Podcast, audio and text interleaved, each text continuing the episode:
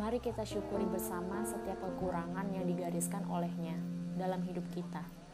Sebab dia maha mengetahui bahwasanya kita tidak boleh manja jika benar-benar ingin sukses.